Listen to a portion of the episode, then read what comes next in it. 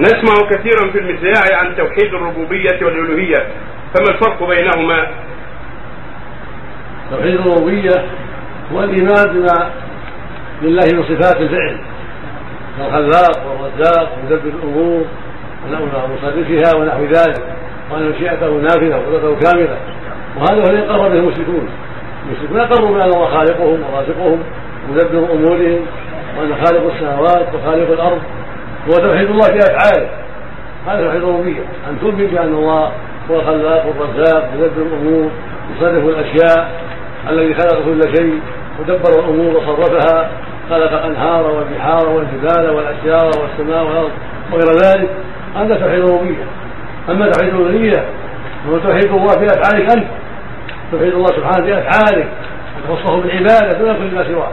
من صلاه وصوم ودعاء ونذر وزكاه وحج وغير ذلك. توحيد الالوهيه هو معنى لا إله إلا الله. أي لا معبود حق إلا الله وهو أن تخص ربك بأفعالك بعباداتك بقرباتك. لا تجعل مع الله إلها آخر. لا تعبد معه سواه من شجر أو حجر أو صنم أو نبي أو ولي. فلا تدعو غير الله. لا تقول يا سيدي البدوي البدوي اشفيني أو يا رسول الله اشفيني أو عافني أو انصرني أو يا فلان أو يا فلان من الأولياء أو غير الأولياء من الأموات أو من الأشياء والاحجار والاصنام هذا الشرك الأكبر. وتوحيد العبادة معناه أن تقص العبادة لله وحده ويقال توحيد الإلهية. والإلهية هي العبادة. معناها يخص الله بالعبادة دون كل ما سواه.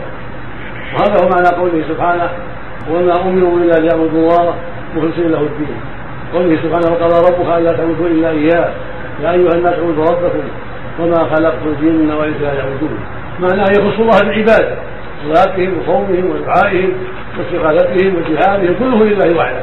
هذا يسمى توحيد العبادة ويسمى توحيد الإلهية وهذا أنكره المشركون وأبوا.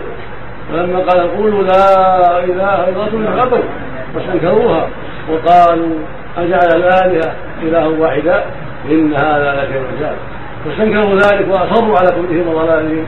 وهم يقولون الله خالق الرازق يقولون هذا. ولكن مع ذلك لم يخضعوا لتوحيده بالعبادة. وتخصيصه بالعبادة دون كل ما سواه. وهجر الأصنام والأوثان. لا. فلهذا صاروا كافرين وقاتلهم النبي صلى الله عليه وسلم واستحل دماءهم وأموالهم لكفرهم وعدم إذعانهم بتوحيد الإلهية. وهناك توحيد ثالث. وهو توحيد الأسماء والصفات. وهو الإيمان بأسماء الله وصفاته كلها. التي جاءت في القرآن والتي صحت بها السنة عن النبي صلى الله عليه وسلم.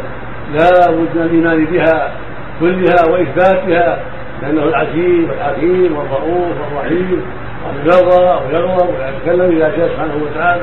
جميع صفاته في القرآن والسنة لا بد من الإيمان بها وإثباتها لله عز وجل وهذا يسمى توحيد الأسماء والصفات.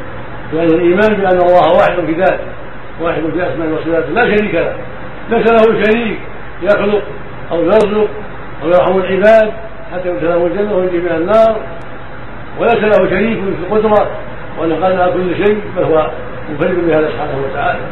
وليس له شريك في إلهيته ولا في أسمائه وصفاته ولا في ربوبيته سبحانه وتعالى.